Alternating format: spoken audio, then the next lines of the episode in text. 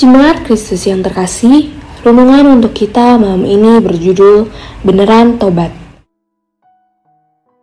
Dan bacaan kita diambil dari Kitab Yoel 2 ayat 12 sampai 14. Beginilah firman Tuhan. Seruan untuk bertobat. Tetapi sekarang juga demikianlah firman Tuhan Berbaliklah kepadaku dengan segenap hatimu, dengan berpuasa, dengan menangis, dan dengan mengadu. Koyakanlah hatimu dan jangan pakaianmu. Berbaliklah kepada Tuhan Allahmu, sebab ia pengasih dan penyayang, panjang sabar dan berlimpah kasih setia, dan ia menyesal karena hukumannya. Siapa tahu mungkin ia mau berbalik dan menyesal, dan tinggalkannya berkat menjadi korban sajian dan korban curahan bagi Tuhan Allahmu.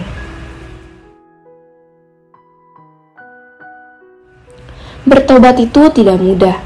Faktanya, ada banyak orang yang mengatakan bertobat dari tindakan dosanya, tetapi setelah beberapa waktu ia kembali lagi melakukan hal tersebut. Dan mayoritas dosa itu kembali dilakukan saat seseorang tersebut menghadapi situasi yang sama atau bahkan situasi yang lebih nyaman. Kenyamanan dapat membuat orang lupa diri dan melakukan hal yang salah. Yoel dalam pewartaannya kepada bangsa Israel mengingatkan untuk kembali kepada Tuhan Allah dengan cara berpuasa dan hidup dalam perkabungan dan ratapan.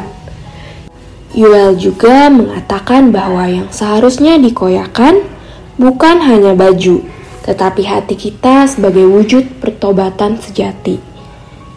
Dari bacaan kita saat ini, kita dapat menemukan bahwa pertobatan itu seharusnya tidak hanya tentang yang terlihat secara kasat mata. Misalnya, kita memiliki tampilan yang lebih rohani daripada sebelumnya, atau perkataan kita menjadi lebih halus dan tertata karena itu semua bisa disetting sesuai keinginan kita belaka. Pertobatan itu harusnya berasal dari hati, berangkat dari keputusan dan dibarengi dengan komitmen seutuhnya. Sehingga walaupun apa yang terlihat secara kasat mata tidak berubah banyak, tetapi orang dan terlebih Tuhan dapat melihat bahwa kita adalah pribadi yang sudah benar-benar berubah.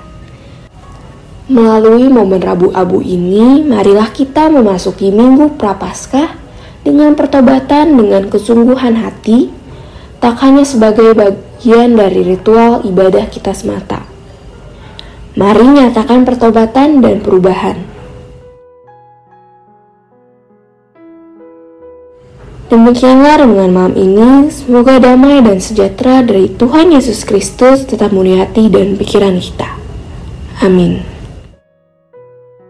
Jemaat yang terkasih, Marilah kita bersatu hati menaikkan pokok-pokok doa yang ada dalam gerakan doa 21 GKI Sarwa Indah. Marilah berdoa.